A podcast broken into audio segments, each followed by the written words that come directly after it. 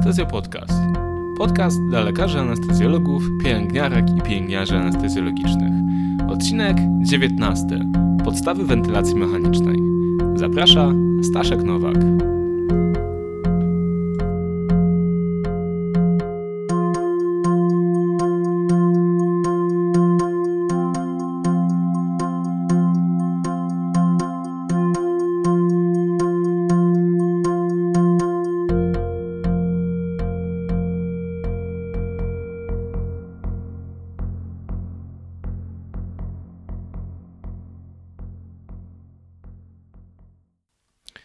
Cześć, witajcie w kolejnym odcinku Anestezjo Podcastu.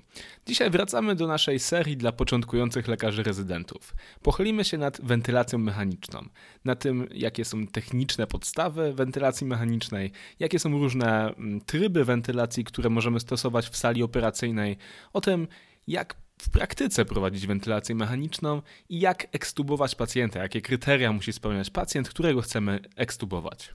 Gotowi? No to zaczynamy.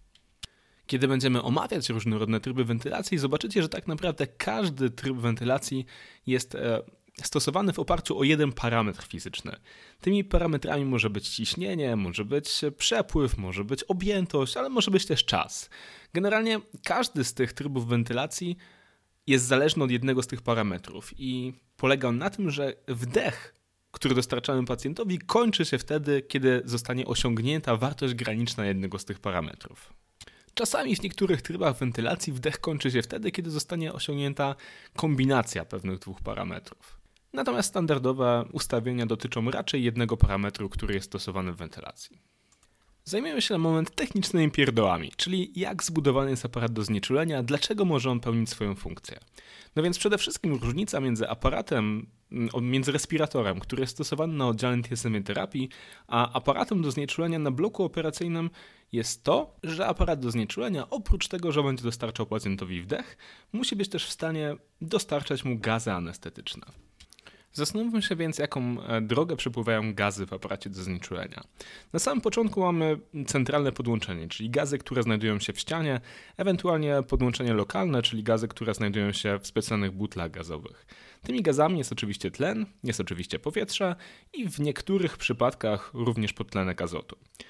Kiedy te gazy zostaną wprowadzone do układu, w zależności od tego, jak ustawiliśmy swoje pokrętła albo jak ustawiliśmy aparat do znieczulenia, pewna ilość tlenu zostanie zmieszana z powietrzem, w wyjątkowych przypadkach również pod tlenkiem azotu i trafi dalej do układu. W dalszym ciągu ten cały, ta cała mieszanka gazowa będzie przechodzić przez parownik sewofluranu albo dysfluranu albo izofluranu, co tam jeszcze mamy dostępnego. W jednym z poprzednich podcastów o prawach gazów anestetycznych mówiliśmy o tym, jak działają te parowniki, także odsyłam Was do tego, jeśli chcecie poznać dalsze szczegóły.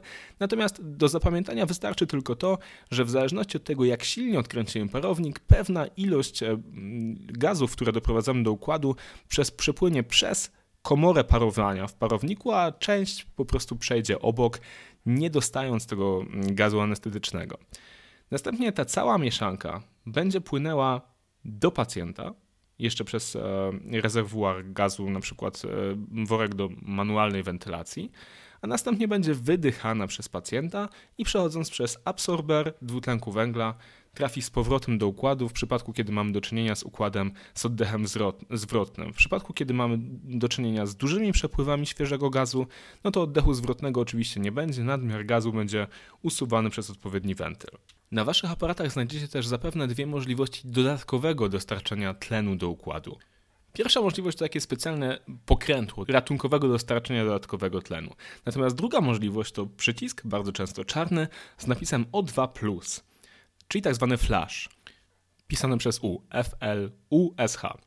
Czym różnią się te dwie możliwości dostarczenia dodatkowego tlenu? Otóż flash to dostarczenie tlenu do układu z pominięciem parownika, czyli z maksymalną prędkością dostarczamy tlen do układu, nie zaopatrując go w żaden gaz anestetyczny. Natomiast to zwykłe ratunkowe dostarczanie tlenu przydaje się na przykład wtedy, kiedy, mm, kiedy dojdzie do awarii prądu. E, wtedy możemy otworzyć to ratunkowe dozowanie tlenu, które będzie przechodził przez cały układ anestetyczny, czyli będzie przechodził również przez parownik. W związku z tym no, będziemy mogli e, dostarczyć do pacjenta również gaz anestetyczny. Oczywiście wadą tego układu jest to, że kiedy nie mamy prądu, nie mamy też możliwości mierzenia świeżych gazów, czy mierzenia gazów, które są w pacjencie. Natomiast zaletą jest to, że możemy kontynuować znieczulenie i w trybie ratunkowym do, dokończyć procedurę. W najbardziej podstawowym wariancie aparaty do znieczulenia zawierają dwa tryby, które wypadałoby rozumieć. Jest to tryb wentylacji mechanicznej sterowanej ciśnieniem i tryb wentylacji mechanicznej sterowany objętością. W każdym z tych wypadków dostarczona pacjentowi objętość oddechowa zależy od tego głównego parametru, który ustawimy na naszym respiratorze. Natomiast pozostałe parametry wentylacji mechanicznej zależne są od e, podatności, czyli compliance i oporu, który znajduje się w drogach oddechowych i w samym systemie, którym wentylujemy pacjenta. W zależności od ustawionego trybu przepływ w drogach oddechowych będzie albo prostokątny w kształcie, albo też będzie miał e, taki kształt deceleracyjny, czyli w pierwszej kolejności będzie ten przepływ wysoki, natomiast później będzie się stopniowo zmniejszał. Taki przepływ obserwujemy w e, wentylacji mechanicznej kontrolowanej ciśnieniem. Co jest ważne, pomimo że wielu autorów twierdzi, że wentylacja mechaniczna kontrolowana ciśnieniem, czyli pressure control ventilation, jest bardziej fizjologiczna, tak naprawdę żadne badania nie udowodniły przewagi PCV nad e, wentylacją mechaniczną kontrolowaną objętością. Co jest jednak bardzo ważne, to to, że w przypadku, kiedy stosujemy PCV do wentylacji mechanicznej naszego pacjenta, powinniśmy relatywnie często sprawdzać, mm, czy ta wentylacja cały czas jeszcze dopasowana jest do tego, co sobie ustaliliśmy, e, lub też ustawić jakieś rozsądne granice alarmu dla objętości minutowej. Natomiast kiedy prowadzimy wentylację mechaniczną kontrolowaną objętością, bardzo ważne jest to, żebyśmy pamiętali o tym, żeby ustawić granice mm, alarmów dla ciśnienia, które pozwolą nam szybko wykryć zmieniające się warunki u pacjenta. W przypadku w pełni kontrolowanej wentylacji mechanicznej decydujemy się najczęściej na zwiotczenie pacjenta i na podawanie pacjentowi objętości oddechowej, która jest triggerowana, czyli wyzwalana czasem, czyli po prostu co jakiś czas podawana jest porcja powietrza do pacjenta. Jeśli jednak oddechy własne pacjenta nie są przeciwwskazane albo są nawet pożądane, Możemy na wentylatorze ustawić tryb wspierania oddechu pacjenta, który poda pacjentowi porcję powietrza albo dodatkowe ciśnienie w momencie, kiedy pacjent ten wdech wyzwoli poprzez zmianę ciśnienia w układzie, poprzez zmianę przepływu w układzie albo przez pewną zmianę objętości. Do prowadzenia skutecznej wentylacji mechanicznej anestezjolog musi znać przynajmniej trzy parametry oddechowe, które omówiliśmy szczegółowo w odcinku podcastu o fizjologii układu oddechowego. Jest to tak zwany compliance, czyli podatność płuc, jest to opór i jest to elastancja. I tylko w dużym skrócie. Compliance to podatność płuc, czyli jest to wartość, która wyraża o ile mililitrów zmieni się objętość płuc, czyli ile mililitrów gazu dostarczymy do płuc, jeśli zmienimy ciśnienie o 1 millibar. Elastancja to dokładna odwrotność compliance, czyli o ile milibarów musimy zmienić ciśnienie, żeby zmienić objętość płuc o na przykład 1 ml. Opór dróg oddechowych albo opór przepływów to stosunek różnicy ciśnień na początku i na końcu wdechu do szybkości przepływu, które jest osiągane podczas tego wdechu. Jeśli chodzi o formę wentylacji mechanicznej, to wyróżniamy trzy główne możliwości, które zawierają swoje podtypy. Oczywiście w zależności od firmy możliwości, które mamy, będą też różnie się nazywać, ale tak naprawdę najważniejsze jest to, żebyś wiedziała, żebyś wiedział, co dają poszczególne tryby wentylacji i kiedy je stosujemy. Więc pierwszy tryb wentylacji to jest tak zwany CMV, czyli Continuous Mandatory Ventilation. E, jest to wentylacja, w której pacjent jest wentylowany tylko i wyłącznie przez respirator. E, może być to zarówno kontrolowane przez ciśnienie, jak i kontrolowane przez objętość. Drugi tryb to jest tak zwany IMV, czyli Intermittent Mandatory Ventilation. I również ten tryb może być kontrolowany ciśnieniem albo objętością. No i Oddech spontaniczny, czyli Continuous Spontaneous Ventilation, CSV, może być zarówno kontrolowany w 100% przez pacjenta, albo wspierany przez respirator. Wtedy mówimy o tzw. Tak pressure support, czyli PS. W większości aparatów do znieczulenia znajdziemy też taki tryb SIMV, czyli Synchronized Intermittent Mandatory Ventilation, który jest takim, taką mieszanką trybu kontrolowanego i trybu spontanicznego.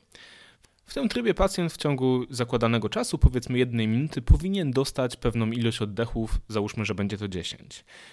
Aparat do znieczulenia w pewnym odcinku czasu czeka na to, aż pacjent wykona wysiłek oddechowy. Jeśli pacjent w tym czasie wykona wysiłek oddechowy, dostaje on od aparatu do, do znieczulenia oddech w tym właśnie formacie czy w tym wzorcu, który wybraliśmy. Natomiast jeśli w tym zakładanym czasie nie wykona wysiłku oddechowego, to i tak dostaje ten oddech, jak w przypadku wentylacji kontrolowanej. Wielu anestezjologów używa tego trybu SAMV przy wyprowadzaniu pacjentów ze znieczulenia po to, żeby umożliwić im takie łatwiejsze, łagodniejsze przejście z oddechu całkowicie kontrolowanego do oddechu spontanicznego. Trybem wentylacji mechanicznej BPAP i nieinwazyjnej wentylacji zajmiemy się w jednym z kolejnych odcinków, kiedy będziemy omawiali wentylację mechaniczną na oddziale intensywnej terapii. Kilka słów co do praktyki wentylacji mechanicznej.